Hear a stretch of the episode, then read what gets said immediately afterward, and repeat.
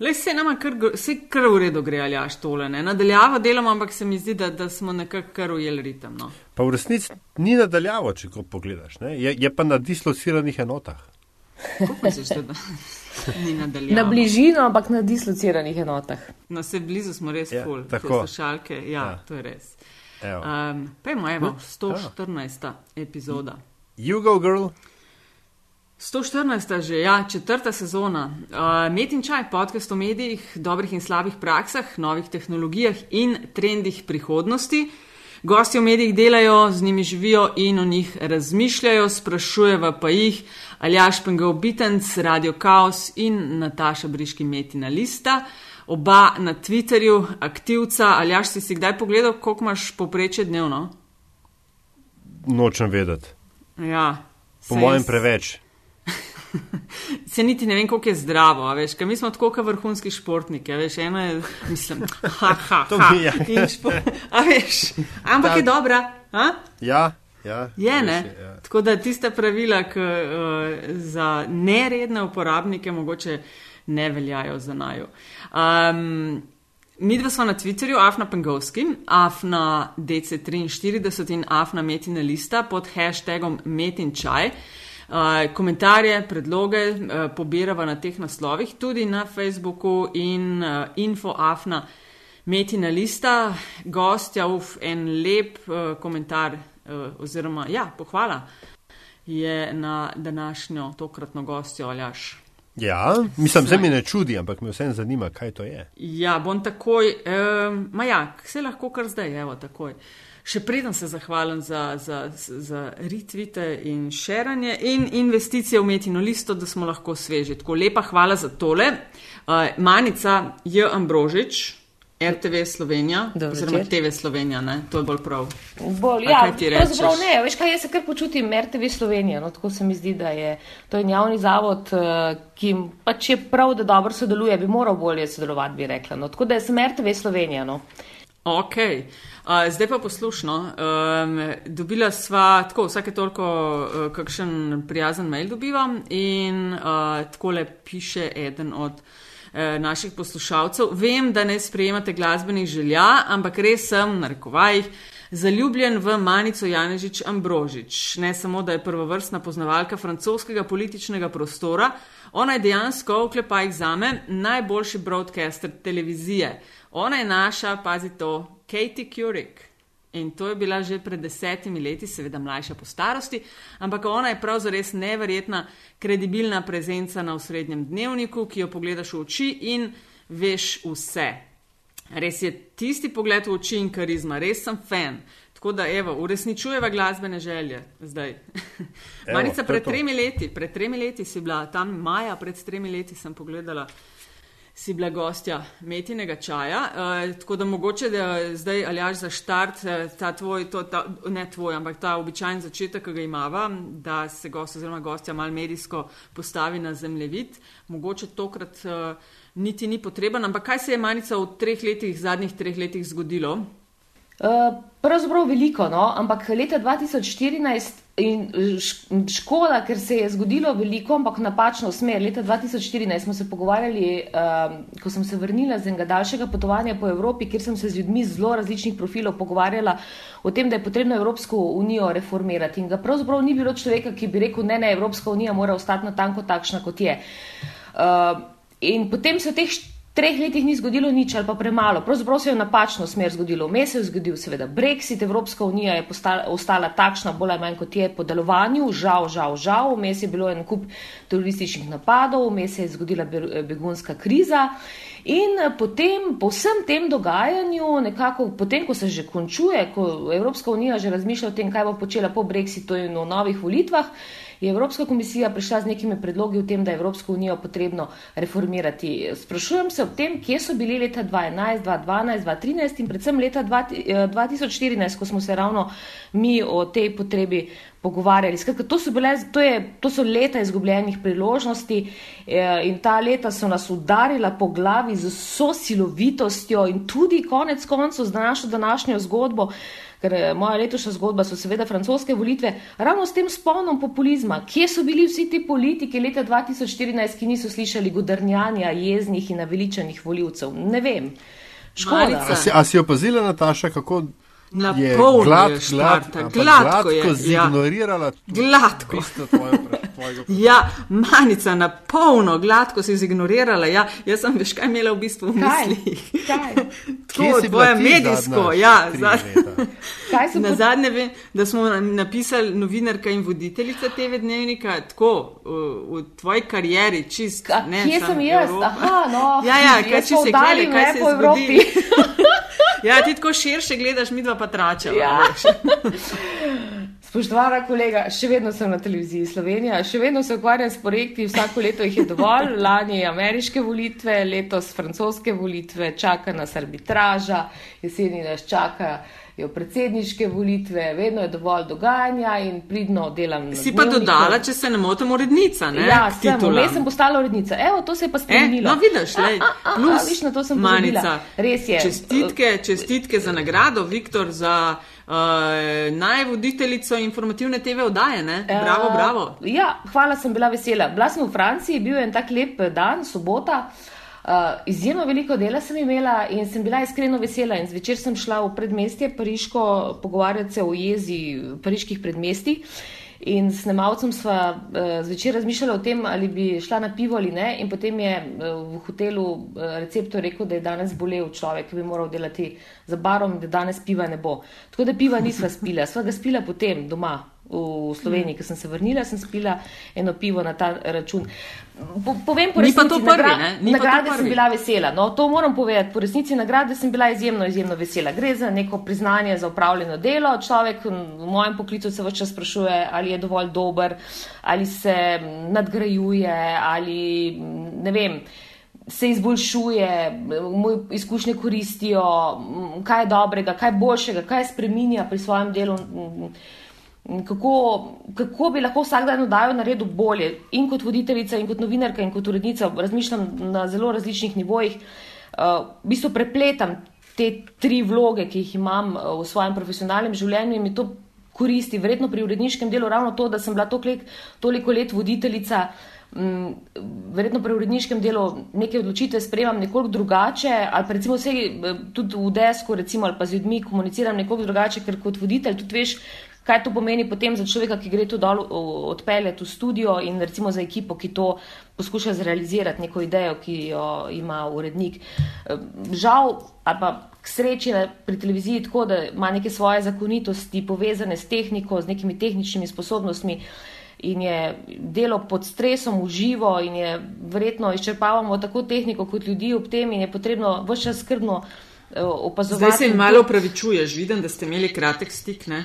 Ma, ne, veš kaj, kratkih stikov je veliko vsak dan. Ne? Pravzaprav Saj vem, delo ja, v živo, delo v informativnem programu vse čas prinaša s sabo kratke stike.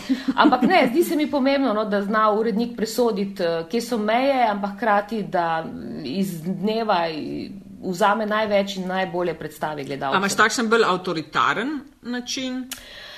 E, Ma nimamo naj ti ne bo nič nerodno. Ne, se veš kako, nimamo avtoritarnega, imam pa vse čas velik za misli. No, tako, vse čas se mi zdi, da lahko gremo še korak dlje in da je, nisem prav hitro zadovoljna.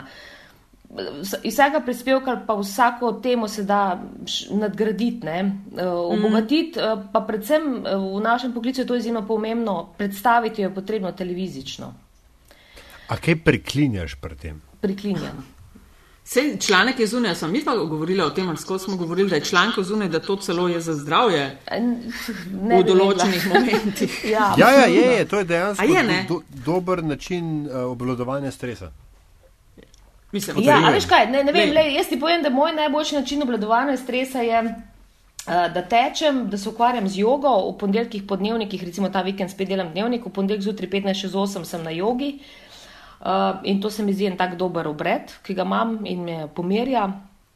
Eh, Pomerja me, da grem teč, kar počnem zadnjih pet let svojega življenja, prej 39 let svojega življenja nisem tekla več kot tis, tiste tri korake, ki jih je bilo treba preteči v osnovni šoli. Sam, samo z avtobusom, ne, kot se temu reče. Malej, a veš, zdaj pa tečem neki, no, neki se trudim v to smer.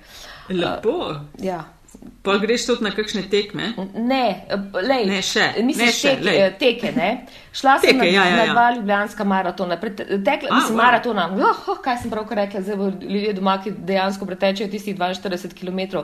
Ne, v bistvu sem šla na dvakrat na desetko, ampak jaz sem bila uh, tista, tisto leto sem tekla tudi, ko je snežilo uh, zjutraj, ko smo mi tekli tisti revčki na desetki.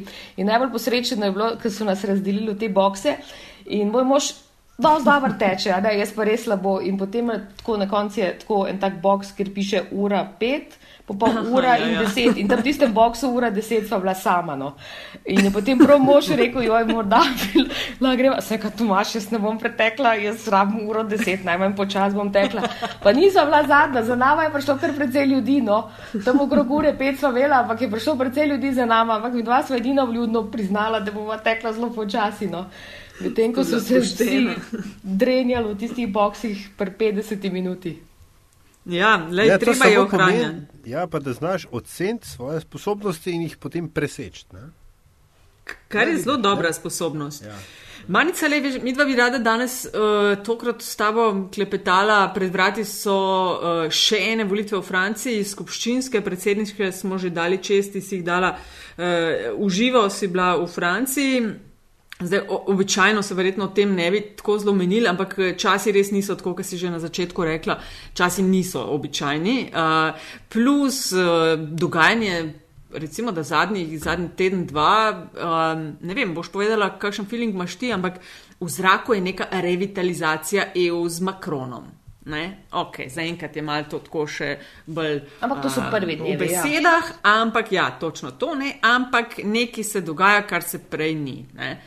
Tako da, ne vem, o tem vse bi mi dva rada s tabo uh, klepetala. Ne? Uh, a se, um, tole bomo objavili tako tik pred prvim krogom, um, zelo intenzivno spremljaš, Uh, v bistvu, ali si malo popustila ne, po, lej, po kako, predsedniški? a veš, ne vem, kje so meje tega zelo intenzivno. Vse čas poskušam spremljati, um, v bistvu tudi, kar mi čas dopušča, ker se zdaj ukvarjam tudi malo uh, z drugimi temami. Um, ampak vse čas tako spremljam, kaj se dogaja, predvsem zato, ker me seveda zelo, zelo zanima, kakšen bo tale razplet. Pa zato, ker se mi zdi Francija, tudi ko niso volitve, ena tako zelo zanimiva država, z eno tako zelo svojo dinamiko in nekim takim svojim razmišljanjem, ki se mi zdi zelo pomemben za Evropo. Vedno znova se Francija dokazuje kot ena država, ki tako neke spremembe napoveduje. posebna, ja. ja, zelo Ja, a ne, posebna. recimo, če človek za barom zboli, pol je bar, bar zaprt. To, to je tako dosti Ja, bil posebno. je res zaprt, no, le, ampak kaj ne rečem. Uh, v bistvu, jaz sem zelo malo slabih izkušenj v Franciji. No, moja kolegica v službi vse čas heca, pravi, ta je tvoja arogancija. Pa mi je pisala maile, ti poslušaj, ti, ki si v aroganciji, da je Ja, tole. sej, da, da. In jaz potrjujem. pravim- Ja, dele, in jaz pravim, pa kakšne izkušnje imaš ti s francozi? Jaz nimam nobene takšne izkušnje s francozi.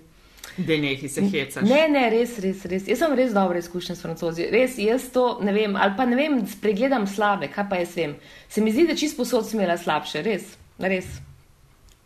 Ja, pa gled, za večino slovencev je, veš, Francija itak samo uh, tisti šatl med terminalom ena in katerim koli drugim terminalom na Charles de Gaulle, ki gre v New York ali pa kam drugam. Ne?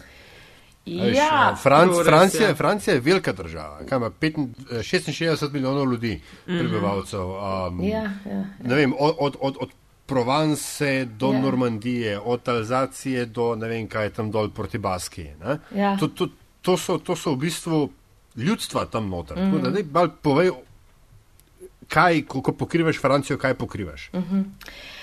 Male, jaz spremljam v bistvu, to se mi zdi zelo pomembno, ko si rekel, no, vse stvar, eh, izkušnje, ki jih imam, jaz so v bistvu s pokrivanjem Francije, profesionalne, no, um, so bile vedno takšne, da nikoli nisem bila samo v Parizu. Ne. Ampak hodim pa po zelo različnih delih Francije. Uh, ko sem leta 2007 spremljala francoske volitve, takrat sta bila Segolène Royal in Nicolas Sarkozy. Ja, eh, je bilo izjemno zanimivo. za- Mi smo začrtali na jugu, smo šli prek Liona, pa Provence, pa potem gor smo se prek Liona spenjali proti Parizu in potem na vzhod, v- končali v Strasburu. Tokrat uh, sva snemalcem šla v Pikardijo, v bistvu zelo poljedelsko je del Francije, še vedno do, dokaj blizu Pariza, ampak dovolj daleč, da. Dovolj daleč od Pariza, bi lahko rekli, z malimi vasmi, tudi precej uh, v slabem stanju, bi lahko, pač, bi lahko rekli, no, pač revne vasi, re, revne francoske vasi. Um, Uh, tako da bila sem recimo v Britaniji, tudi v Normandiji, uh, sem uh, recimo snemala, skratka na različnih koncih Francije, ravno zato, da bi uh, ker Pariz ni Pariz, eh, mislim, ni Francija. Ne? To se mi zdi zelo, zelo pomembno uh, povedati, kot Ljubljana ni Slovenija. Uh, tako kot uh, Dunaj ni Avstrija. Ali pa za Ameriko, ja. Ali pa, ali pa Amerika, London New ni Velika Britanija. Ali pa pač New York in ja. Washington pač nista Amerika. Ne? In to se je tako ja, kruto ja. in res neposredno in razgalilo ravno na teh zadnjih. Uh, ameriških volitvah in jaz sem, pač za mene je bila to ena zelo, zelo velika šola za nekoga, ki pač je uh, novinar in uh, nekdo, ki razmišlja recimo o, o volitvah in spremlja na različnih, seveda, zdaj nas konec koncev, torej junija so, je ta mesec so britanske volitve, potem nas jeseni čakajo tudi nemške volitve. Skratka, uh mhm. -huh. lete volitve so pomembne, se nam dogajajo okrog nas. Ne. Ampak eh, to, tako pomembno, kot je to ravno sedaj, ne, da, da, se ne, da se ne upošteva toliko eh, mesta, glavnega mesta, kot je potrebno dejansko iti v vasi in manjše kraje, se mi zdi, kako je zdaj to pomembno, ni, ni bilo še morda nikoli doslejno. In tukaj se je meni, tokratna izkušnja se je meni izkazala kot izjemno dragocena, ker sem šla v Francijo z eno idejo ki sem jo imela v glavi in sem si tudi zapisala, tudi s kolegi sem se pogovarjala, za katere sem vedela, da bom uh, sodelovala z njimi na različnih oddajah, recimo Globus, Dnevnik odmevi. In uh, sem povedala, jaz mislim, da, bo, da bodo v spredju teme to, to, to, to. Ampak kot novinar sem šla na teren in rekla: Dobr dan, sem novinarka slovenske nacionalne televizije, javne televizije. Povejte mi, kako razmišljate, in preprosto poslušala. In to, kar sem jaz slišala, je bilo v totalnem nasprotju s tistim, kar sem predvidevala, da bom slišala. In to me je. To, to čak, povej za tem, mene, povej kaj si predvidevala in kaj si slišala. Torej, moja prva, prva ideja je bila, da bom jaz prišla tja in da bodo ljudje govorili o varnosti in o priseljencih, recimo uh -huh. na mhm. podeželju.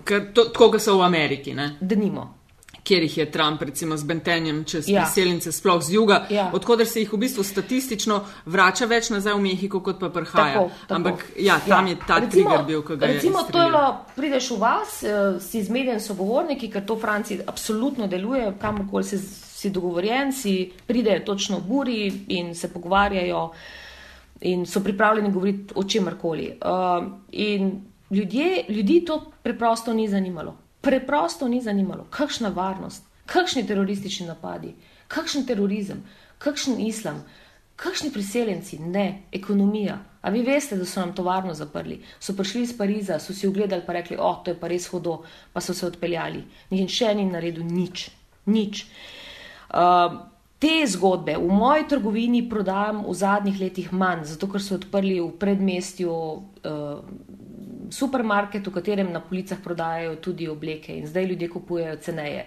Tukaj je bil včasih, ne vem, mesar, ki je moral zapreti pred tremi leti, ker ni imel več dela, zato ker so v, na začetku vasi odprli Lidl. Lidl. Mm -hmm. Prvič v ja, ja življenju ja, sem videla je, ja. v francoskih vaseh Lidle uh, in Aldije. Prvič, prvič. Francozi so mm -hmm. veliko dajo na hrano, oni v enih še vedno grejo na kosilo, takrat so polni ti lokalni, eh, lokalni bistroji, lokalni kafeji, vse to je polno. Tokrat sem prvič imela občutek, da francozi živijo drugače. Francoze je kriza uh, prisilila, da živijo drugače in tukaj je rezultat tak, kot je bil. Pravzaprav uh, sem pričak, pričakovala, da bo Marine Le Pen po tisti jezik, ki sem jo slišala pred meseci, dobila še več, kot je dejansko. Da bo še več. Uh mhm. -huh. Se bo zanimivo videti, zdaj, kaj bo ja. uh, na skupščinskih. Ampak le, to, to je res ful zanimivo, ker si omenila ta predmestja. Ker jaz tudi tako občasno uh, potujem po Franciji ja. in me, so me začela ta predmestja In me je presenetilo, ravno za Francijo, ki je tako ponosna, uh -huh. pa mhm. svoje in, in te, te mali obrtniki, ne, predmestja izgledajo tako, kot v Ameriki. Uh -huh. ne, maš te uh -huh. razne lidle, uh -huh. tiste na hitro postavljene uh -huh. shopping outlete ja. in tako, res, kot da bi se kjerkoli po Ameriki vozila, ja. zgledajo francoska predmestja. Ja, ja, ja. Tudi angliški več govorijo. Ja. To je bil moj, moj kulturni ja. šok pred leti, ja. ne, ko sem bil Aha. v Parizu Oziroma, sem bil to prvič v Parizu, pač je pač moja gospa morala prevajati, ker lej, ne, jaz pa francoščina. Uh -huh. uh, naslednjič je bila pa že po 2008 zlomu in tako dalje, in Ja. vsem so pa kar naenkrat tudi vsi kelneri znali angliško. Ja, res je. Ja. Vse, sam, za, sam, da, sam da sem prišel, pa denar tam pustil. Meni je lasnica prodajalne otroških oblačil, recimo 15 minut o tem govorila. Da kako je zdaj pomembno, da vsi govorijo angliško in da kako hodijo na Aha. tečaje angliščine. In to je rekla, mi tega se nismo dovolj naučili v šoli. To je naša, to je naša slabost, to je slabost naših otrok. Mi zdaj trudimo se, poskušamo. Poslušaš francoza, ki govori o tem, kako pomembno je, Ja. da govori angliško. Olala. Sploh poznavajoč Ja, zgodovino ja, njihovih, ja, ne ja. Anglija versus uh, Francija, ja, ja, non-stop uh, bitke. Se pravi, kaj gospodarstvo je tisto, Gospodarstvo, brezposobnost, delovna mesta, to, to, je, to, je, to je nekaj neverjetnega, ker se je pri njih je v bistvu država. Pot, oni so bili navajeni, ne? Peta republika je bila vendarle močna država. Ne? Peta uh -huh. republika jim je dala z temi mm, Le Grand Travaux Mitterrandovi, ko se je gradilo po Franciji, ko je bila Francija v sponu, konec koncev tudi obdobje Širaka. Ampak po tem obdobju, torej s Sarkozijem leta 2007, jaz sem takrat potovala res, uh, ta, ko, kot sem že omenila, ta južni del in potem uh, Pariz in potem ta vzhodni del Francije. In neverjetna energija in na nek način optimizem, prelom generacije je bil in so ljudje res pričakovali, da bodo stvari drugačne, gre nova generacija, Francija gre velike obljube na obeh straneh in potem to v bistvu neznosno razočaranje, predvsem pa izjemno veliko razočaranje nad uh, Francoisem Hollandom. To je pa tako Mhm. utipljivo, mm -hmm. tako utipljivo in jaz mislim, da je tukaj ena velika lekcija za socialiste. Se bojo zdaj ja, izjemno gled, če, če gre. Se jih ni ja. več, ne, tako rekoč. Ja, Ja, tako ne, rekoč, mislim, ja. ni jih več. Oni imajo trdno jedro, ne smemo pozabiti, oni so vendar razpredeni, njihova mreža je močna povsod, ne, težko rečemo, da jih ni več. Ampak oni se bojo morali zdaj pobrati in reformirati. Mislim, da je tukaj najpomembnejše. Oni rabijo enega liderja, enega močnega liderja. Ne. Njim se je zgodil Dominik Stroskan, ki, ki jih je v bistvu uh -huh. afera, ki jim je mal spodnesla tla pod nogami, potem se Golen Royal ni zmagala. Ne. In potem je prišel ta François Hollande, ki žali bo kaj hudo veliko karizme, ni imel niti pred petimi leti, potem pa je tudi skozi, pet, pet, teh, skozi teh pet let, ko je veliko obljubljal, pa si ne vem. Uh, pravzaprav na začetku veliko obljubljal, kot je nekdo uh, mi dejal v Sandeniju, napisal nam je 14 tisoč strani obljub in niti ene izpolnil. Ne vem, kje je dobil številko 14 tisoč, ampak tako se je izrazil. In potem teh, iz teh obljub ni ostalo nič več.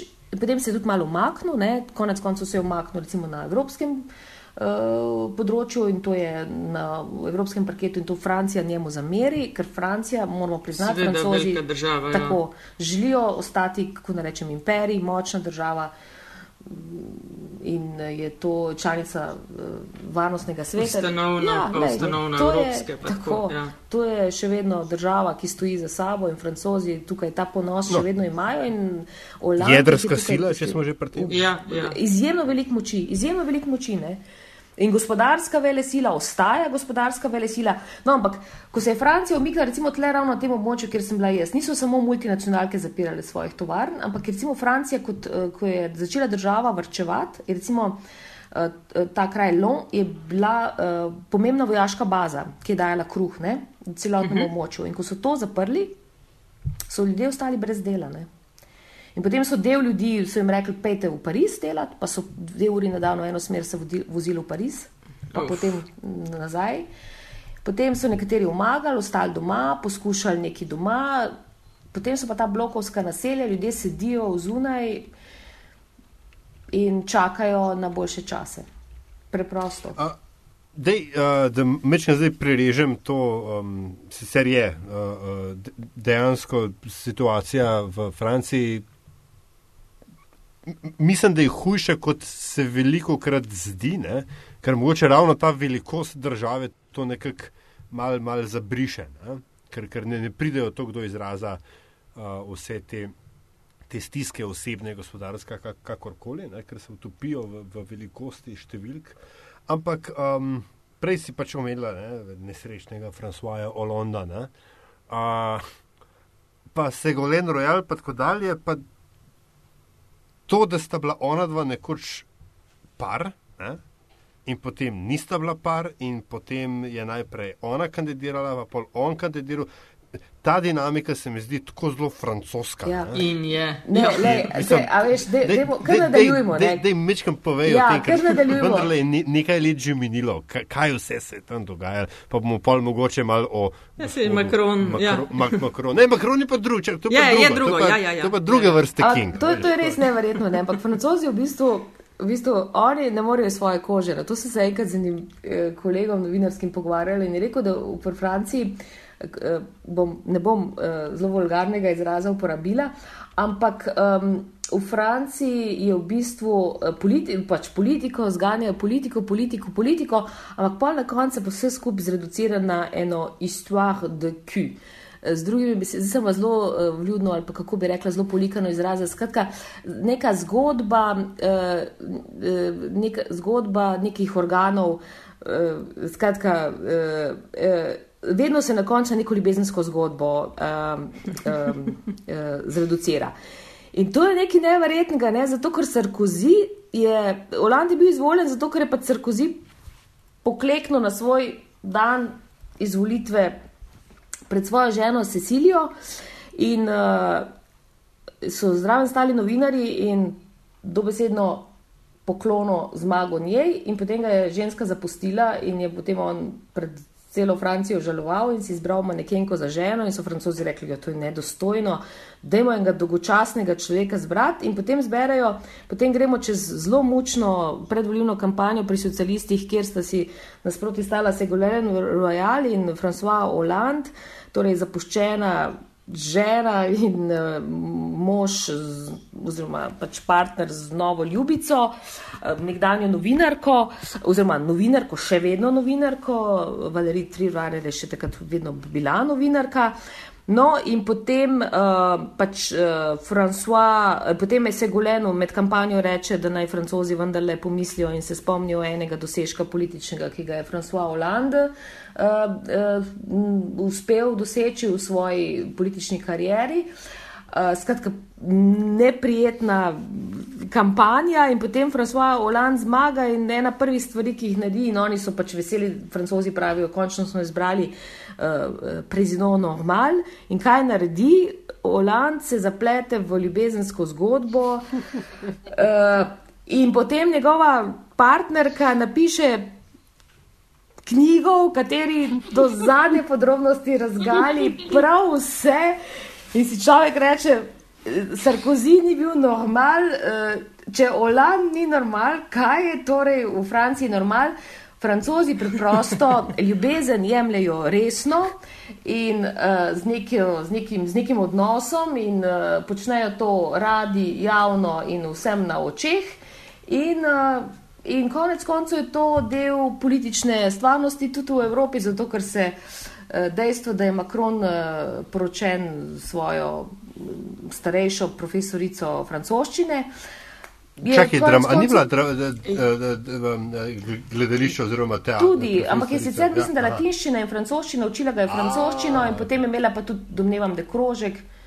Če sem Ah, prav razumela. krožek, ja, seveda. Lej, ampak to je zanimiva zgodba, zato ker eh, ta njegova zmaga, meni se je zdelo zelo zanimivo. Jaz sem pred štirimi leti, tremi leti, eh, ko sem brala trač revije francoske, ona dva sta se pojavljala povsod, ona dva sta vsem trač revijam dajala svoje zasebne fotografije in sta mi padla oči, kdo je ta Macron, to je nenavadno, še preden je bil minister, še preden se je karkoli dogajalo. Uh, so ga bile eh, polne nje in njega uh, trač revije francoske. To se pravi, njegova kampanja se ni začela, on je pravzaprav novinec na francoski politični sceni. To je bil nekdo, ki je bil spromoviran na francoski politični sceni, vključno s to ljubezensko zgodbo. Kar je super, a veš, da se te stvari vidijo in bo se mal demistificiralo. Ja, Ker v res. smeri je kar bre- kar brez problema. No. Kot, Ja, bi rekel, no, kot, bi, kot, kot, kot bi rekel Obelix, ne? Ja. Ils sont fous, c'est français. Ja, ja recimo. recimo. Uh, jaz mislim, da sicer Macron ni načrtoval zmage tokrat. Jaz mislim, da je, on, da je tudi Fr Francija pričakovala, da bo stal v uh, drugem krogu se pomerila Va Valls pa Fillon, to se pravi kandidat socialistov in kandidat. Uh, Republikancev. Jaz mislim, da je za Makrona to dejansko bilo presenečenje, ker je bil uh, padec Fiona precej um, nepričakovan. Fion je bil še januarja v bistvu prepričljivo, um, je deloval kot nek prepričljiv kandidat. Vsi ti ljudje, ki so se zdaj pojavili na volitvah, so zelo uh, skrbno pripravljali svoje kampanje že nekaj let. Fion je denimo potoval po Franciji, prav po vseh, zato da bi razumel, kaj želijo francozi, prisluhnil francozom. To je bila načrtovana kampanja.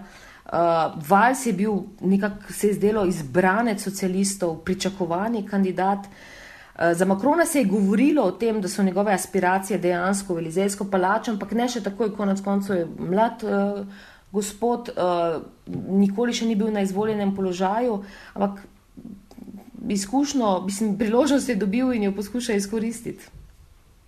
Ja, glede na to, njegov nastopi na mednarodni sceni zadnje tedne ne, in ja. srečanje z, s Trumpom, pa ja. s Putinom, mm. se mi zdi tako, da mu gre, saj gledala sem malo uh, raziskave, ko kažejo in mu celo napovedujejo na skupščinskih, ja. da bi utegnili uh, dobiti absolutno večino.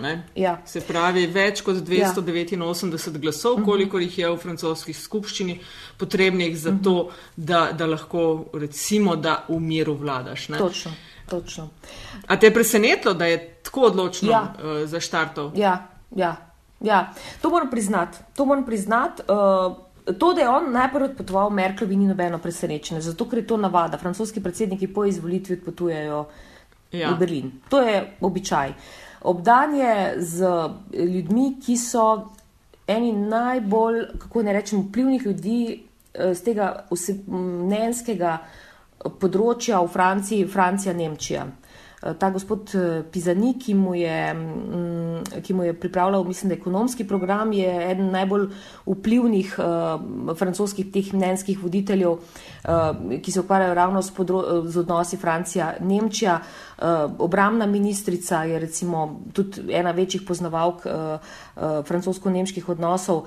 Skratka, povsem pričakovano odločitev. Ni to neko simbolno dejanje, mislim, simbolno dejanje je, ampak ni samo Makronovo. Hoče reči, Olan, če se spomnite pred petimi leti. Tudi v Londonu, ja. Ja, pa kaj se je zgodilo, odpelo se je z letališča in je v letalo trešla strela in se je vrnila.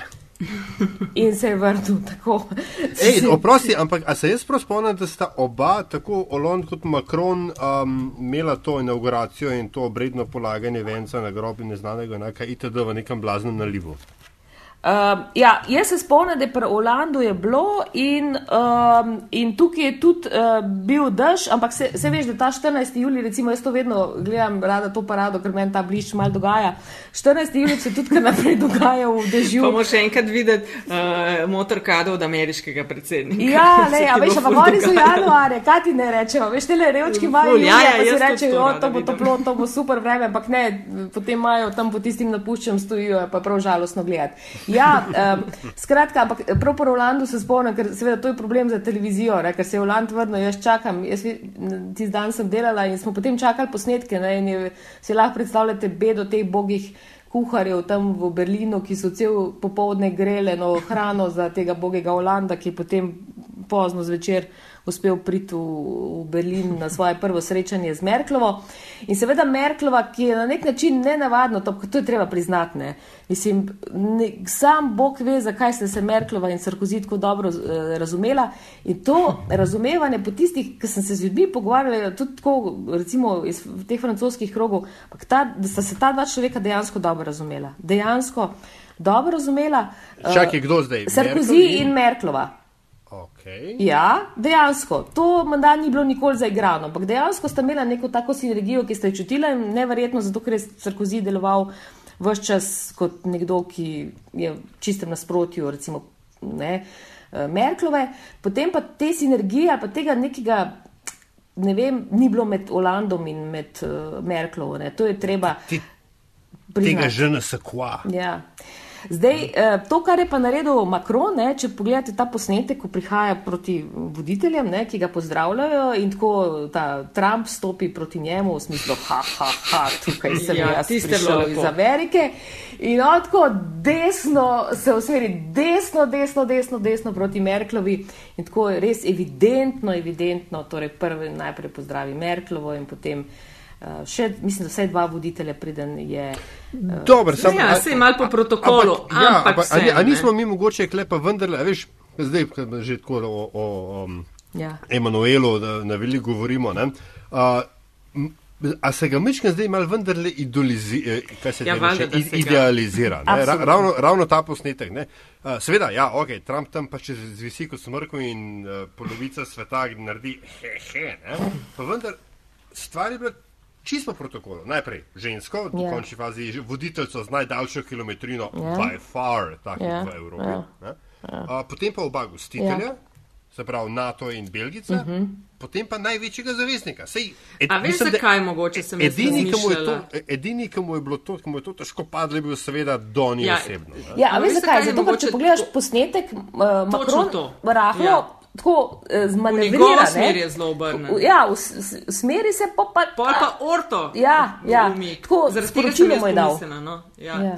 Ker bi se, mislim, tako je bilo do dva koraka pred njim, je bilo videti kot, ok, Trump bo prvi. Ja, tako. Tako, in potem mu je stisnil. Ja, ja. Ne, meni se zdi zanimivo. Uh, jaz sem delala, mislim, da tisti teden po ameriških volitvah sem delala zrcalo tedna in sem prav podrobno pregledovala vse posnetke. Macron je šel v Ameriko, mislim, da tisti tist vikend po zmagi Trumpa. In je dal izjave, in se prav spomnim, so revizije oziroma agencije pošiljale. Torej, predvsej, a veste, takrat je bil. Um, absolutno predsedniški kandidat, za katerega ni kazalo, da bo zmagal. In je on hodil takrat, ravno, da eh, torej, je dal izjavo, ker se mu zdi zanimiva izkušnja zmage Donalda Trumpa in je prišel. Eh, pridobivati izkušnje, ne vem, kako se je že izrazil. Vedno je bilo zelo zanimivo, se mi je zdelo, da sem rekla, no, bilo pa mogoče zanimivo, da zdaj z gledalcem v en taki oddaji, kot je zrcalo tedna, na nek način predstavim. Francija nima samo, ne, takrat, če sicer eh, nismo vedeli, kdo bo, ampak recimo, da smo že, kot rečeno, pri socialistih se je zdel najmočnejši vals, pa pri, eh, oziroma eh, tako je Vals, potem pri republikancih eh, smo govorili o Sarkoziju, pa o Fionu, pa o Žipeju, ampak tam obstaja, veste, še drugi kandidati, v kateri tudi se počas mal pomikajo in so mladi, perspektivni in bodo morda krojili prihodnost Francije. Skratka, to je človek, ki je šel v, v Washington in je, kot rečeno, skrbno to svojo kampanjo gradil, no? bolj skrbno, kot smo si morda celo eh, predstavljali pred eh, dobrim letom, ko je ustanovil svojo, svoje eh, gibanje. Simon Cooper, ki je, ki je uh, bil tudi gost Metine liste, eh, kolumnist uh, Financial Timesa, med drugim, je o Emanuelu Macronu napisal, da uh, prvič, ne, poanta zgodbe je bila, da, da naj ga ne idealiziramo preveč, in drugič, da se mu zna zgoditi usoda Tonija Blera, ki je na neki točki postal, ki se je odlepil od tal, na katerih je sedel, ne, postal prepričan, da ne more narediti ničesar narobe in potem v relativno kratkem obdobju, obdobju uničil celotno svojo, rečem, politično zapuščino. Ne. Na vse, vse smo še v zgodnih. Ja, ampak, ampak, ja, ja, pričakovanja so velika, po mojem, glih zaradi tega, ker je EU v tako kar slabi formi. No. Zaradi tega. Pa, pa, ker se pojavi, veš, en voditelj, ki gre na volitve, pa jasno reče, hej, jaz sem pa za močno Evropo, nehite ga srat, ne, se pol si, o, je pela. Pa, treba je povedati, da je v Franciji, za nas, je, ki opazujemo Francijo od zunaj, to fajn slišati, da fra, v Franciji vse nekdo, ker med kampanjo v Franciji nihče ni govoril o Evropi. To je treba posebej povedati. Ja, no, razen Makrona. Makron je. Ja. Makron je Oziroma tisti, ki so govorili, Melanchon pa Le Penova, sta pa govorila proti Evropi. Ne? Ja, ja. Ostali pa niso no, govorili o Evropi, niso. niso ja. Jih ne pravi Marin skrajna desna, Melanchon ja. skrajna ja. leva. Ja. Ni bilo toliko velike razlik ne. med njima. No? Ne, ne, v zvezi z Evropo sploh ne. ne. Ona ja. Evropa pač vidi nekaj, kar je treba. Uh, ponovno, uh, torej, ponovno se pogajati in po možnosti govoriti o referendumu o izstopu Francije iz Evropske unije. Seveda, tukaj je bila predvsej bolj radikalna referendum. Ja, Ampak, le, ja. uh, odhod iz evra, tako je. To so vse stvari, ki, kjer se si skrajna levica in skrajna desnica v Franciji segla v roke. In zato po prvem krogu Melonšon, ko je stopil pred novinarje, ni pozval proti Lepenovi, kar je leta 2012, mm. uh, 2012 storil, mm -hmm. zdaj ni. Ne? Sicer je kasneje popravil. Ja, ne, kasneje je potem rekel, ne, je rekel, dajem vam na izbiro ali Macron, ali da ne greste na volišča, ali da odate. Jo, te so najboljše. Tako, ja, beli, glas. Torej, ni rekel, lahko pa glasujete tudi za Lepeno, ampak tiste raziskave, ki sem jih zbrala, je bilo približno, mislim, da med 20 in 30 odstotki njegovih voljivcev takrat je razmišljal o tem, da bi volili Lepenovo. Ampak se, če ko se mi pogovarjamo o voljivcih, skrajne levice in skrajne desnice. To niso ljudje, ki bi sicer glasovali niti za skrajno levico, niti za skrajno desnico. To so ljudje, ki bodo to storili iz jeze. To je glas proti, to je uh mhm. -huh. glas proti. Uh -huh. Uh, uh, kasti, politični kasti. Konec koncev je politična kasta ena najpogosteje uporabljenih besed, tako Melošona kot uh, Lepenova, poleg besed pepl, uh, ljudstvo, uporabljala sta besedo referendum, sta ponavljala, ljudstvo, kasta. To je pomembno. In to so ljudje, eno od sogovornikov, ki ni želel stopiti pred kamero, takšnih je bilo nešteto. Ampak si jih besom. Ja. Kljub temu, da bi šlo za ja. pač na neki televiziji, ja, ki ni absolutno. Franciji, Ampak so pripravljeni diskutirati z mano ure in ure in ure. Res, veliko pogovorov smela, neverjetno veliko. Nekdo mi je rekel, razmišljam o tem, da bi glasoval ali za Melanšona ali za Lepenovo, zato ker bom brcnil v mravlišče. Aha, Krasen, tako kot so zdaj brcali v mravlišče v, tako, v Ameriki, tako, ni Trump, medtem ko se mi pogovarjamo, odstopil od pariškega podnebnega Aha. sporazuma. Tako fajn brca v mravlišče. Tako. In to so francozi. A vidiš kaj podobnosti? A vidiš kaj podobnosti med tem uh, Melenšonom pa tistim, kar se je dogajalo na ameriških volitvah, recimo Sanders? Ja, ja.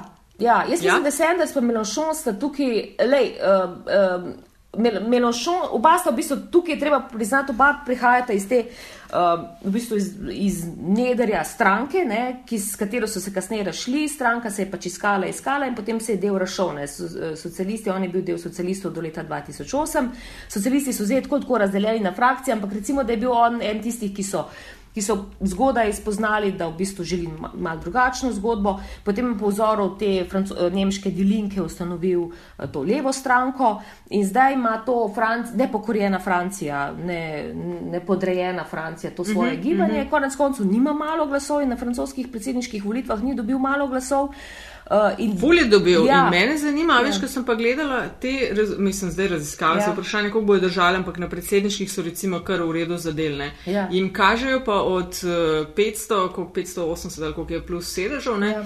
jim pa kaže 40, 30. Ja, zelo oni imajo dvokrožni sistem. Ne. Treba je povdariti, da francozi ja. volijo dvakrat. Ne. To je fajn, če ljudje vejo, da volijo dvakrat, dru, v drugi krog grejo uh, torej najboljši, oziroma če ni v prvem krogu nič. 12 pa pol odstotkov. Tako, 12 pa pol odstotkov ja. morajo dobiti in potem dejansko te manjše stranke v bistvu zgubijo. Um, um, Melanchon pa uh, Marine Le Pen sta bila. Sta, nagovarjali ljudi, ne stranke njihove, Melonšovnih je.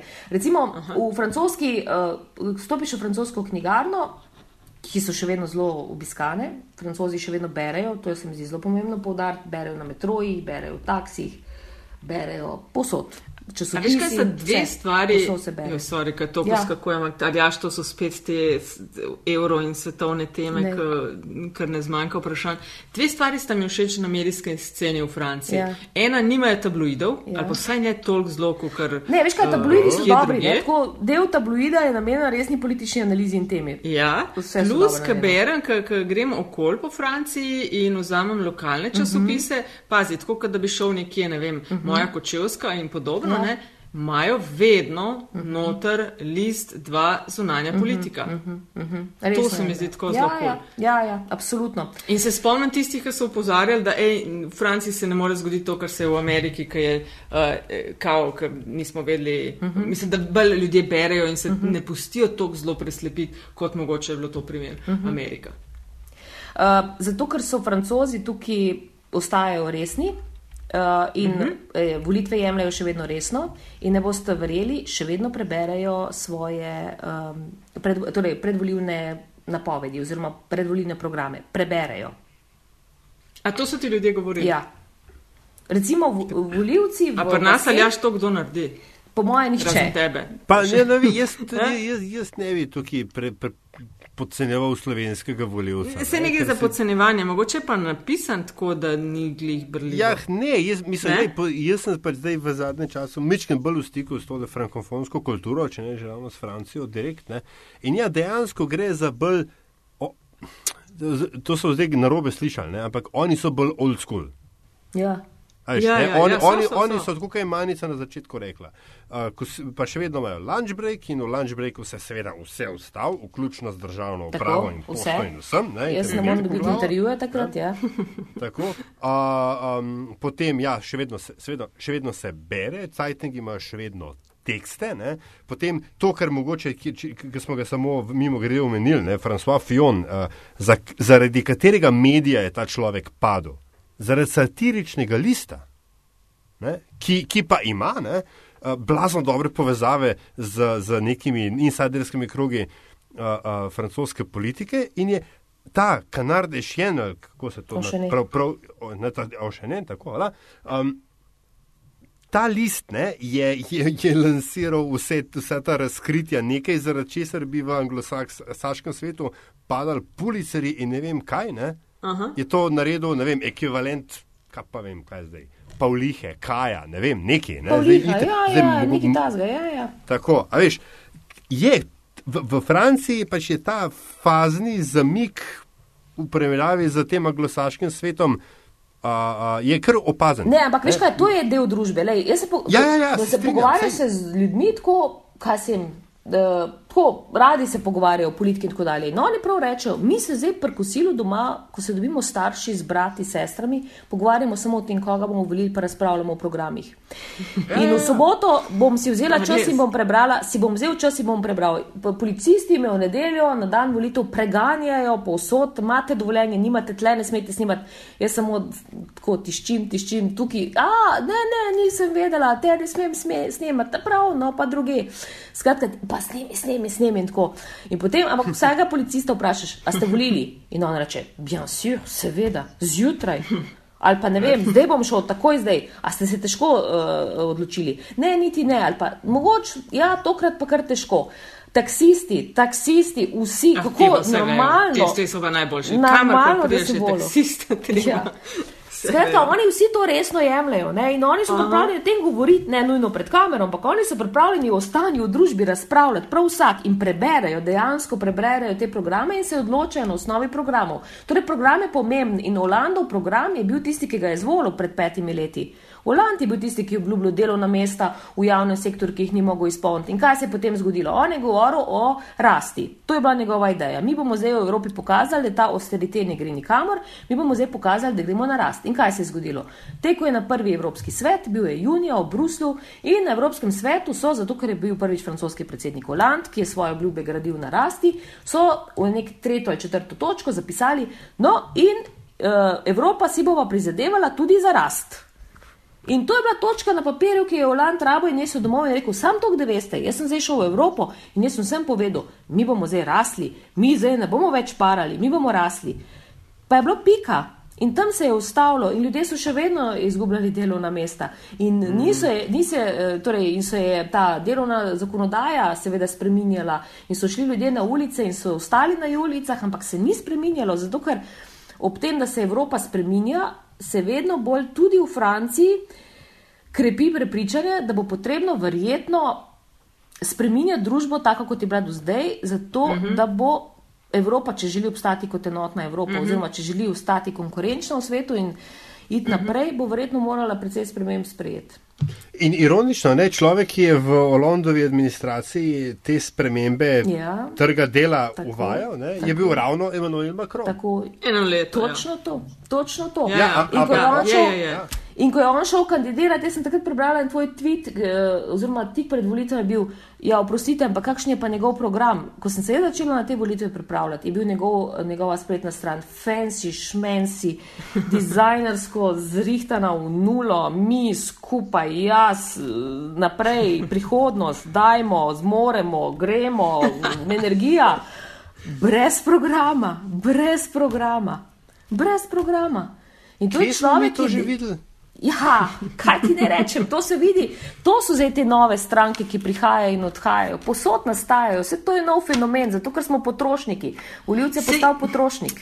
Ja, to je, to je res, nove stranke, ne? ampak uh -huh. res je pa tudi, da je Macron v bistvu tako mal zvabo iz vrst republikancev, ja. mal iz vrst socialistov, tako da, da bi čist novo, novo bilo ni. Ne? Tudi mal sem gledala eh, kandidate, ki jih, je, eh, ki jih kandidirajo po ja. državi. Ne? Uh -huh, uh -huh. Neki socialistov, neki republikancev, neki frišnih, tako uh -huh. se mi zdi ja, tretjinsko ampak, razdeljeno. Ampak, ampak to, je že, to je že recimo prva ne, koncesija, kot se temu reče, priznanje politične realnosti, ker najprej je bil njegov pogoj, da niso bili prej povezani z nobeno od velikih strank. Ja, sam potem je gotovo, da ne more samo iz no, no, vseh hočeš reči, države, ja, več kot je Francija, kjer so ljudje ja, life, life gets at you fast. Ja, ja. točno to, ja, ja, ja.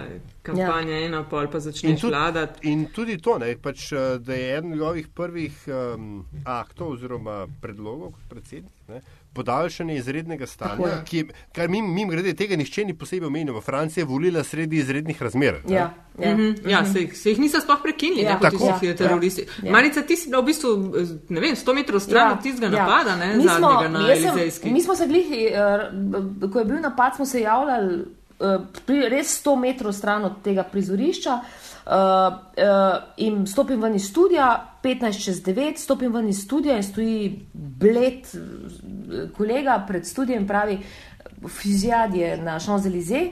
In snemalcu ob meni in samo tečeva proti, proti Champs-Élysées in takrat še ni bilo enot, bis, eh, prihajala je šele, torej, sprazna so pravkar, ja. pa policisti so prihajali, ampak so nas že zapirali, pa spravljali so ljudi stran Champs-Élysées in je kolega tudi posnel in je prvi poslal uh, posnetke v Evrovizijo, ker smo mi dva imela tako blizu hotel, da smo, da smo potem vmes tekla nazaj, poslala veze odmeve in potem tekla nazaj in so ustrajala v zuni tam do ne dveh ponoč, potem so nas že odstranili, smo šli gor do vrdu Slovaluka zmage, kjer smo lahko potem potem snemali, uh, ker so pravzaprav celotne šonzelize, to se pravi 4,2 km dolgo avenijo so v celoti spraznali in uh, zaprli. Takrat v tistem trenutku je bilo še rečeno, da so najverjetnejše njegovi pomagači, ki so na begu, govorilo se o neki ženski, ki je na begu. Um, ekipe smo se potem zbrali res tam na vrhu in spodaj na Plaza la Concorde.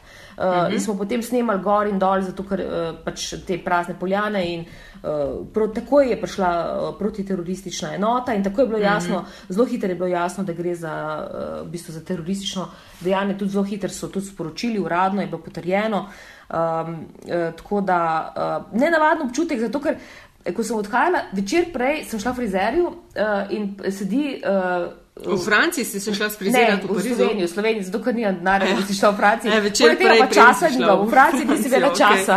V Franciji sem se javljala. Sem mislim, da si v luči, a veš, preiskovalne novinarke ja, rekla, ja. da grem pa k frizerki. Ne, ne, ne, ne, ne, ne, ne nisem šla. Ampak se pa vsaki mesaren, ki ga srečam, kamor grem kupiti salamo, zato da si jo dam sedmič, ker nisem v petih dneh, torej uh, bila sem vse skupaj osem dni, ampak tistih pet dni, ki sem jih preživela v Parizu, sem na tanko en to po obrok pojedla. Vse ostalo so bili samo sedmiči, ker je bilo res strašno veliko dela. Poleg volitev se ti zgodi še teroristični napad in v bistvu si vse čas, čas si na ekranu, vse čas imaš ličido na sebi in v bistvu premalo spiš in vse to. Ampak um, uh, hočem reči, da uh, me je ta gospa, ki me je frizirala večer prej, preden sem odhajala v Francijo, pravi, kam ti jutri greš? Pravi, ja, gremo v Francijo. Pravi, oh, a te je strah? In jaz, jaz se pogledam in razmišljam, zakaj, že, joj, goto, zakaj bi me mogli biti zdaj strah. To je gotovo pomembno vprašanje, pa jaz na to ne znam odgovoriti. Pa tako, zakaj bi morali? Tam so teroristični napadi. Rečem, no, ampak Francija jih je kar nekaj imela. Ne, ne Sej, ampak greš, veš, ja. ne vem, meni se zdi, da teroristični napadi so ja del stvarnosti naše, odkar smo gledali, kako se letala zaletavajo v World Trade Center. Ja, je kaj ja. drugače, vse je posod, vse so, so, so na vseh koncih sveta prihajajo poročila, vse čas o samomorilskih ja, ja. napadalcih, to so del stvarnosti. No. Nisem izdelo, da je bila Francija kaj posebej ogrožena, ampak ko sem jaz prišla v, v Pariz in potem se odpravila takoj v vasi sem prišla tudi pod vtisom tega vprašanja, a te je kaj strah? In ko sem sprašvala, a vas je kaj strah, le strah jih ni, nimam čutka, da je francoze strah. Tudi po tistem terorističnem napadu, ja, čutila sem žalost, čutila sem jezo, ampak nisem čutila, zdaj smo pa tako prestrašeni, da tukaj ne upamo več biti. Čeprav je pa res, da večina francozov podpira. Um, uh, Izredne razmere. No, to je treba povdariti. Jaz mislim, da si Macron, da je bilo za njega politično neumno, če bi zdaj ukinil te izredne razmere, ki jih 80 odstotkov francozov podpira. Vsi mislim, da verjetno malo pokukajo na te raziskave. Ja, preden absolutno. Kaj absolutno. takšnega naredijo. Ampak, če le, Ja. ja. zanima me, ne, ker, ker Ja. uh, kot, kot, kot uh, rahlo paranoidni politolog, ne, Ja. me, me te, te zadeve poletno mečkin rajcajo. No, Kako zgleda, ko je, sveto, ko je zahodna demokracija pod izrednimi razmerami? To samo pomeni, da so, da so uh, vojaki na vsakem Ja. vogalu ali, ali kaj? Ja, Kako si to. ti to občutila v Franciji? Ja, jaz sem to občutila zelo konkretno. Zdaj, um, občutila sem zelo konkretno, predvsem v Parizu. No? Per, uh, ker na to, da sem videla nekaj drugih uh, krajev, tudi v manjših krajih tega ne občutiš. Oni sploh dejansko v teh manjših krajih ne vejo, kaj pomeni izredne razmere. Sej jaz jih nisem tako, da bi rekla, aha, zdaj pa. Uh, Medtem ko pa v Parizu, sploh na dan volitev, namreč uh, v četrtek večer se je zgodil ta teroristični napad, v petek si je potem lepo kot edini, uh, um, torej, ker to je bilo veliko vprašanje petka. Ne? V petek zjutraj smo se zbudili, dan po napadu in veliko vprašanje je bilo, uh, ali bo Marine Le Pen zdaj zmagala. In jaz sem imela ob desetih naslednji v petek zjutraj, uh, sem imela s, uh, s človekom, sogovornikom iz Elaba, ene večjih teh raziskovalnih agencij, francoskih sestanek, ki se ukvarja ravno s tem, da pač uh, raziskuje in uh, te predvoljne raziskave dela. Skratka, človek je bil bled, bled in rekel, ne upamo čisto napovedati, naša zadnja raziskava je bila končana sinoči. In uh, potem uh, smo, ampak je rekel, najverjetneje, in nimamo nove. Ampak tisti dan je dejansko uh, Lepo bil tisti, ki je popovdne objavil raziskavo, po kateri je Marine Le Pen se rahlo povzpela, ampak ne pa. Ni prešla čez Makrona, ne? Makron je ostal na prvem mestu. Uh, tako da um, uh, je potem, ampak tisto, kar je bilo pa v petek, kar mi je ta sogovornik dejal, je rekel, zelo nas pa skrbi, kaj se dogaja, v, kaj se bo zgodilo v nedeljo. V nedeljo se pričakuje teroristični napad. In v nedeljo je bilo premikati se po Parizu nočna mora, povsod vojaki, policisti, obroženi ljudje. Posod so nas preganjali, tudi novinarje, tako kam gremo, kako gremo, ne, sem ne, tja ne. Um, v bistvu pa petek zvečer je bil Pariz prazen. Ne? Pariz je mesto, ki živi res 24 ur na dan, v petek zvečer živi še mečkan bolj, ampak v petek zvečer je bil Pariz nenavadno prazen in v soboto in nedeljo, ampak posebej v nedeljo je bil res prepoln oboroženih uh, ljudi, na, recimo na vseh trgovinah, te, vse, vsaki trgovini te pregledajo, uh, torbico pregledajo, odprejo vse. Uh, ampak imam občutek, da so se francozi na to navadili, no? nimam občutka, da jih to zelo, zelo, zelo obremenjuje. Kaj sem, recimo, jaz sem vsak dan potem hodila v bližini, bil en fnak, ta knjigarna in potem tako se pasem po knjigah. Uh, in recimo dva varnostnika na vratih in te pogledate, tudi če, recimo, če se čez pet minut vrneš, recimo če greš ven, pa se potem čez pet minut vrneš, res zelo, zelo podrobno pregleduje. Ampak kot rečeno, nisem imela občutka, da to, občutka, da to francoze omejuje. Je pa nekaj res. Šla sem pa v nedeljo recimo v predmestje, Saint-Denis, revno francosko predmestje, mm -hmm. nemirno in se tako. Priješ v Saint-Denis, v Saint-Denis je pa kot bi stopil v drugi svet, ampak Aha. absolutno drugi svet, tudi enega policista ni bilo, tudi enega vojaka ni bilo, volivni dan, v Saint-Denisu, peaceful, eh, lepo, ljudje v zuni na kavah, lepo, sončno vreme in volit, volišče polno, polno, polno ljudi. In uh, predsednik uh, volilne komisije, ki čisako volivko poljubi na koncu, lebiz, lebiz. Skratka, avo te reče predsednik, starejši gospod, si volas, lepo, avo te vsako dan noter, oni imajo tak zanimiv način. Oni imajo v bistvu, tako so imeli uh, za, uh, listek za vsakega. Uh, Torej, kandidata in človek je prišel na volišče in rekel: Dobro, dan, jaz sem prišel voliti. In potem je mogel vzeti vsaj dva, lahko ni vzel nobenega, lahko je vzel vsaj dva, ali pa lahko je vzel karkoli. Pa si tako stavil in so ljudje ne vem, vzeli, ne vem, zakaj vzameš Makrona, pa Lepenovo, pa ne vem. No in potem greš v, v svojo, uh, tam neko pač v, v, v, v prostor, kjer voliš in enega od teh listkov izbereš, ga daš v. v Kuverto, medtem ko ostale listke zavržeš na tako veliko vrečo, in, vrečo za smeti, in te volivne skrinjice oziroma volivni prostori so polni vreč za smeti, kamor ljudje mečejo neuporabljene glasovnice, potem stopiš predsedniku volilne komisije in predsednik volilne komisije reče: A tukaj ste vi ta pa ta, in ti rečeš: Ja, sem, potem spustiš kuverto in ona glas reče: Avo te. Pa položil tak.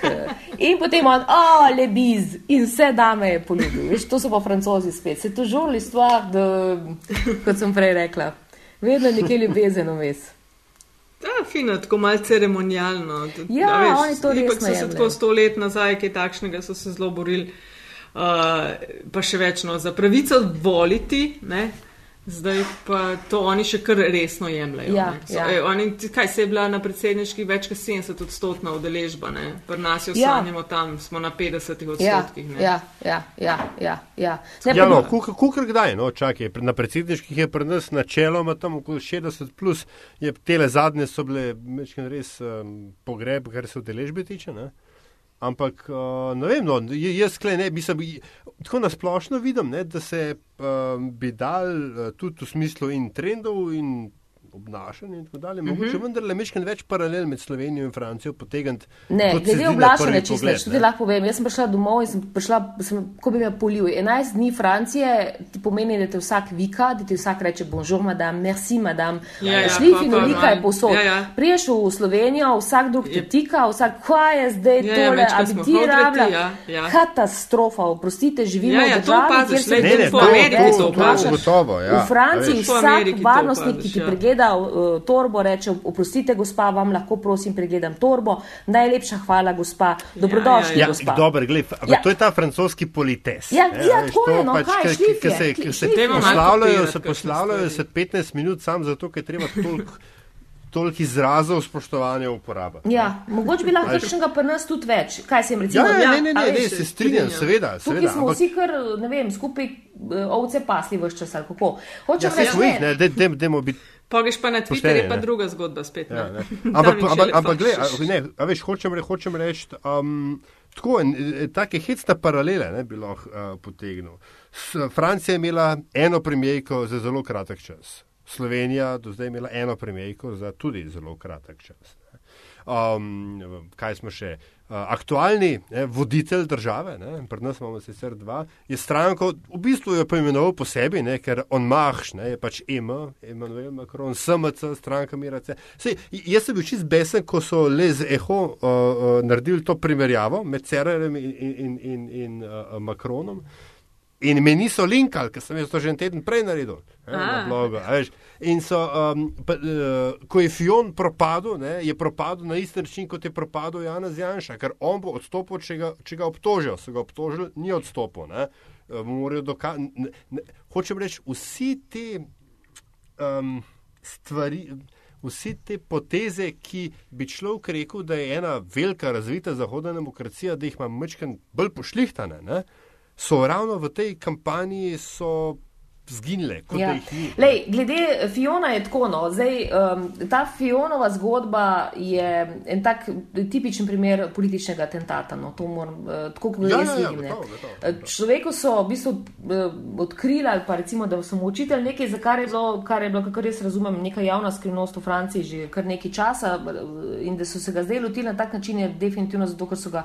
Uh, in najverjetneje to ni prišlo samo od zunaj, ampak prišlo tudi znotraj. Ne. Zdaj, druga zgodba, ki je ve- seveda, seveda zelo zanimiva. sorry, ko Ja, rečeš znotraj, znotraj njegove znotraj stranke. ne? Ja, tako, znotraj njegove stranke. Ja. In uh, jaz, on, ne smemo pozabiti, on ni bil tisti, ki, ki so mu pripisovali zmago na Le Republika. Ne? On ni bil tisti, on ni bil prezume, tisti, ki bo šel. Torej, Župe in uh, Sarkozy sta se čutila močnejša, to sta človeka z veliko uh, vpliva v zadju in uh, Fiona so se dobesedno znebili. Fion je bil človek, ki je imel veliko uh, podpore v času pred, uh, pred volitvami in ne smemo pozabiti, Fion je človek, ki so ga dobesedno uh, zmleli v prah in je še vedno dobil to glasov, kot jih je dobil. Ne? Hoče reči, on ima zvesto volivno telo in svojo kampanjo je skrbno gradil. Zdaj, to, kar je pa potreba povedati pri Makronu, ne, zelo zanimivo bo, kako se bo zdaj razvijalo to, te volitve, ki so, pač, eh, ki so pred nami.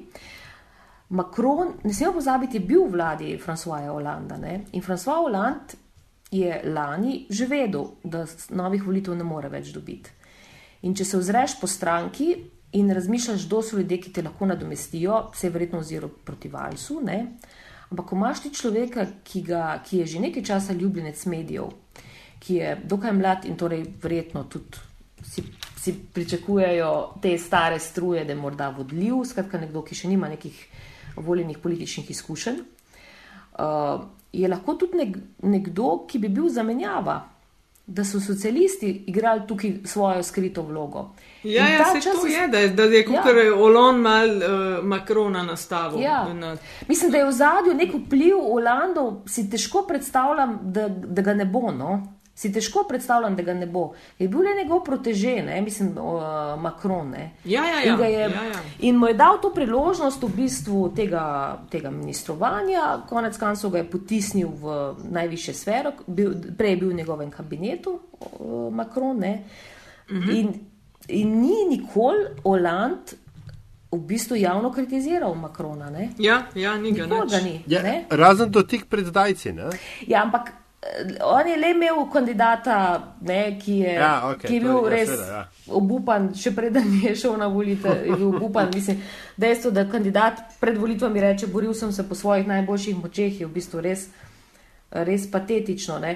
Eh, Socialistom oziroma levici se je zgodila res ta zgodba z, z Macronom, Amonom in Melanchonom. ne, Da komu So da razdelili glasove, ja. ne malo spet klasično. So, en drug mu je mal, en drugega so mal požrli, na koncu pa nič. Ne. Ja, pa ne, ne, ne samo to, v bistvu se je levici zgodila utrujenost, ne imp, implozija, čista. Ne, če govor, mislim o so, so, socialistih, ne, socialistični stranki Françoisa Mitterranda, uh, ki spet, ne, če pač vlečem vodo na svoj mlin, ni, ni, popoln, ni čist različna od implozije vladne SD na volitvah 2011, ki je bila tudi ki je skomaj, da se je obdržala v parlamentu ne, in tukaj je lekcija za Emanuela Makrona, vendar se še vedno drži in je tudi in je pač sicer v našem sistemu v vladi in je to, kar se ti manica na začetku rekla, ne, ta, da je rešuje jih infrastruktura in ta razpredanost tudi na lokalnem nivoju in sicer. Ne. Zagotovo in to bo tudi zelo imajo republikanci izjemno močno. Republikanci so na lokalnem nivoju izjemno močni, tudi socialisti.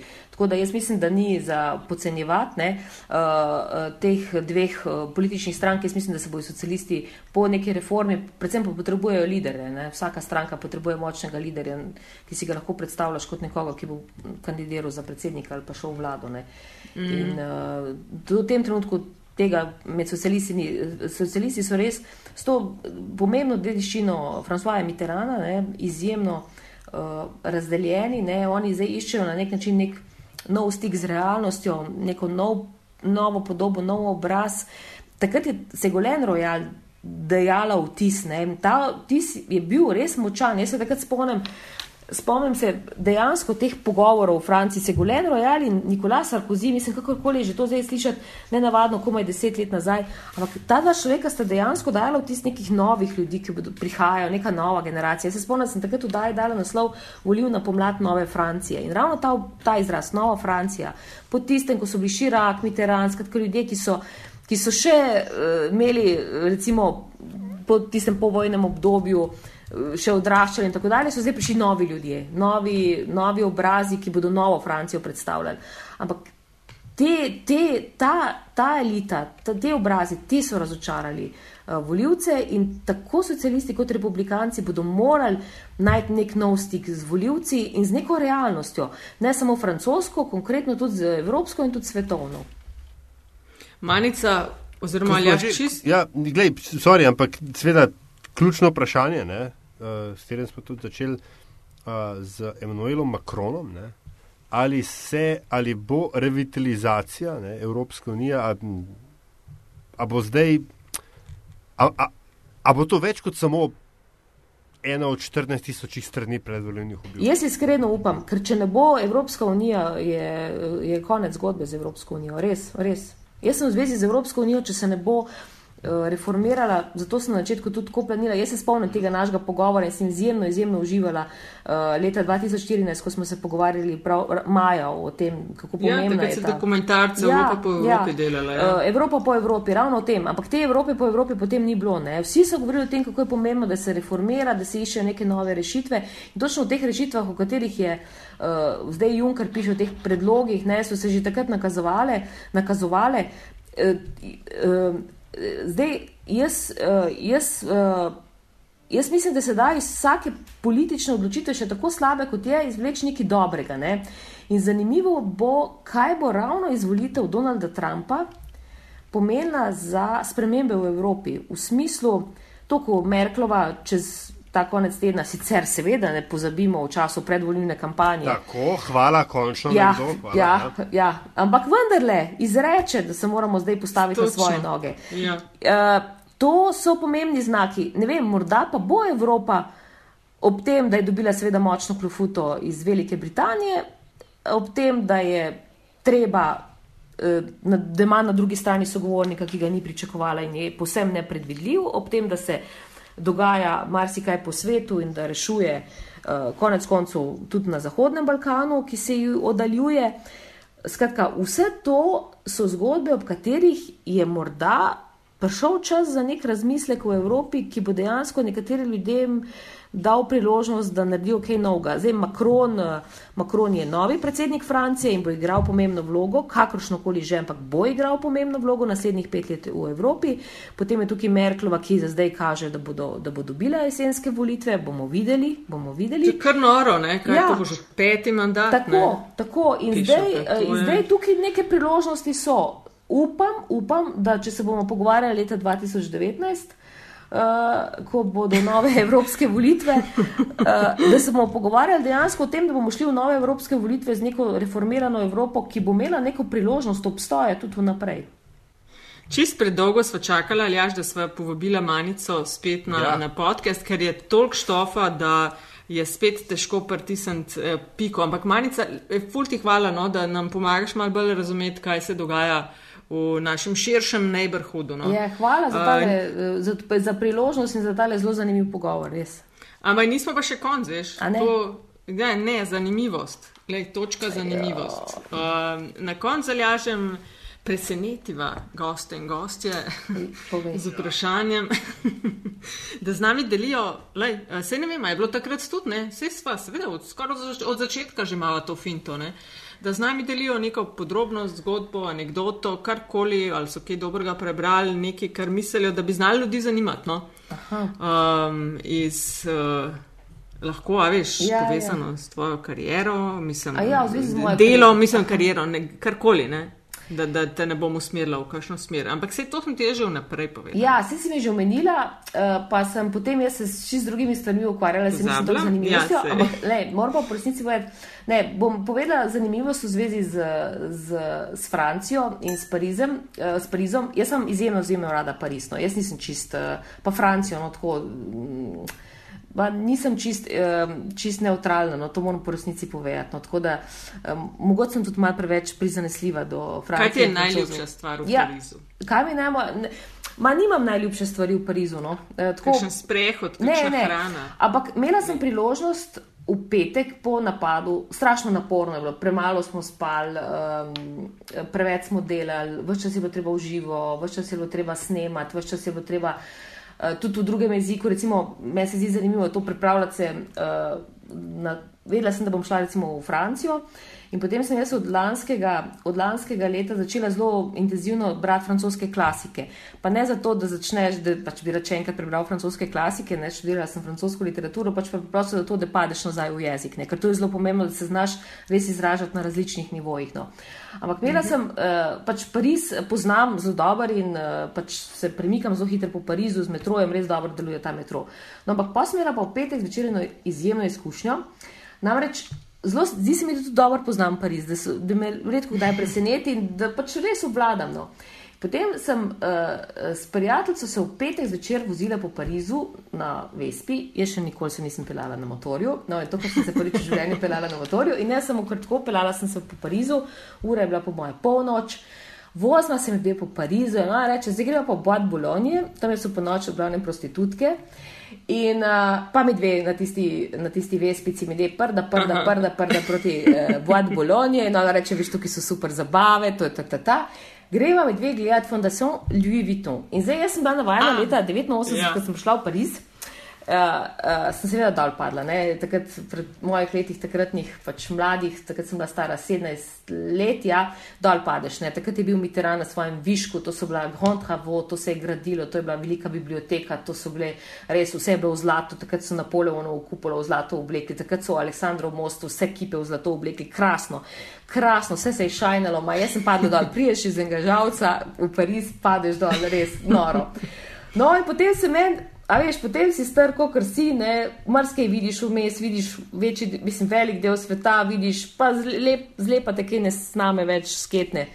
In tako mi gre, gremo po terorističnem napadu skozi Pariz, prazen, greva jim vseh prostitutk, se peleva prda, prda, prda in prideva kar naenkrat začuti, da slišiš nek šumenje vode, slišiš neki sred gozda, slišiš nek, nek val, ki se ti bliža. Kar naenkrat zagledaš sred neko svetlobo, ki se ti bliža in se približaš eni ogromni stekleni kako da rečem, monumentu, modro, zeleno, vse se preliva in ker je tišina in ker je noč in ker smo uspeli ustaviti motorček, ki ni več prda, prda, prda, sva samo še mi dve, dve prostitutki na desno in ogromni valovi, ki se ja, valijo kar... proti tej krasni palači, ki je seveda ni zgradila država, ker država nima več denarja.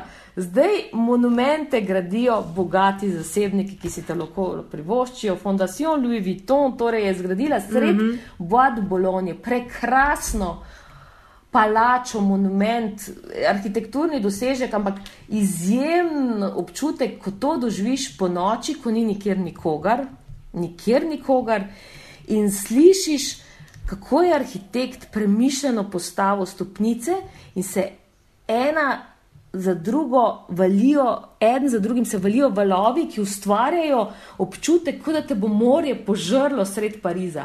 In to, je, kako so to ustvarili, za mene je bil to ta, ta, tako močno doživetje. In ob tem, da pomisliš, da država si tega ne more več privoščiti, mi smo spremenili svet v, do te mere, da danes da danes to gradijo samo še bogati posamezniki, ki si to lahko privoščijo in si lahko privoščijo, da javnosti neki poklonijo.